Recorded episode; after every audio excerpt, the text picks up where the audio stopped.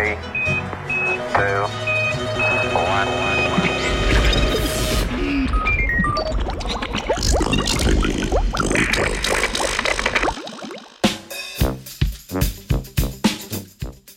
Me upaš ugriznit?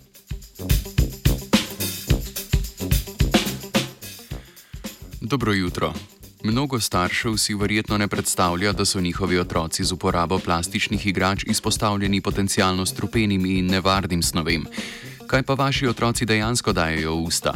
Skupina znanstvenikov in znanstvenic je v reviji International Journal of Environmental Research and Public Health objavila raziskavo, v kateri so se ukvarjali z analizo ugrizov mlečnih zob v različne materijale.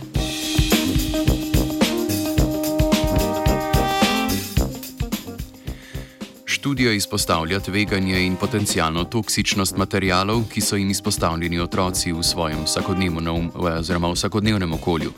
Otroci mlajši od dveh let spoznavajo okolico med drugim tudi z grizanjem in vnašanjem igrač v usta. Opazovalne študije poročajo, da otroci do četrtega leta starosti vnašajo predmete v usta tudi do 50 krat na uro. Posledično so izpostavljeni večjim tveganjem za vnos večje koncentracije nevarnih snovi preko ustne sluznice in sline. Mlajši otroci so zaradi svoje nižje telesne mase še posebej občutljivi na potencijalno strupene snovi v igračah, zaradi česar je lahko že manjša količina zaužitega materijala toksična.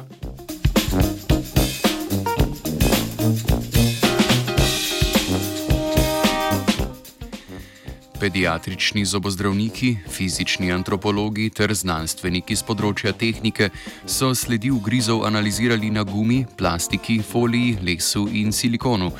Vsi vzorci so bili vzeti iz igrač kupljenih v maloprodaji, ki imajo certifikat standarda CE, ki zagotavlja, da izdelek izpolnjuje vse zahteve EU glede varnosti ter varovanja zdravja in okolja. Da bi čim bolj posnemali vedenje otroške čeljusti, so zasnovali eksperimentalno postavitev čeljusti z mlečnimi zobmi, ustavljenimi v protezo. Ugotovili so, da mlečni zobje pustijo vidne sledi ob večkratnih ugrizih na vseh testiranih materijalih. Sile ugriza mlečnih zob vodijo k obrabi materijalov in posledično k zaužitju drobnih delcev.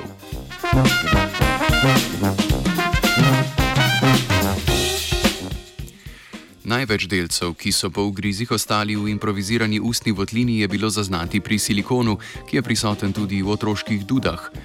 Odpadli drobni delci pa so se pojavili tudi pri gumi, plastiki, foliji in lesu.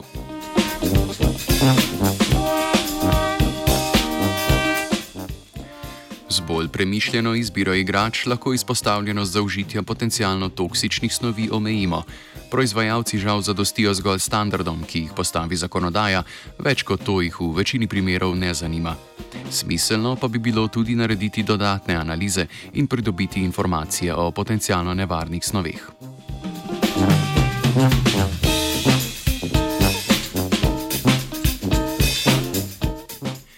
Znanstveni Britov je ugriznila vajenka Andreja.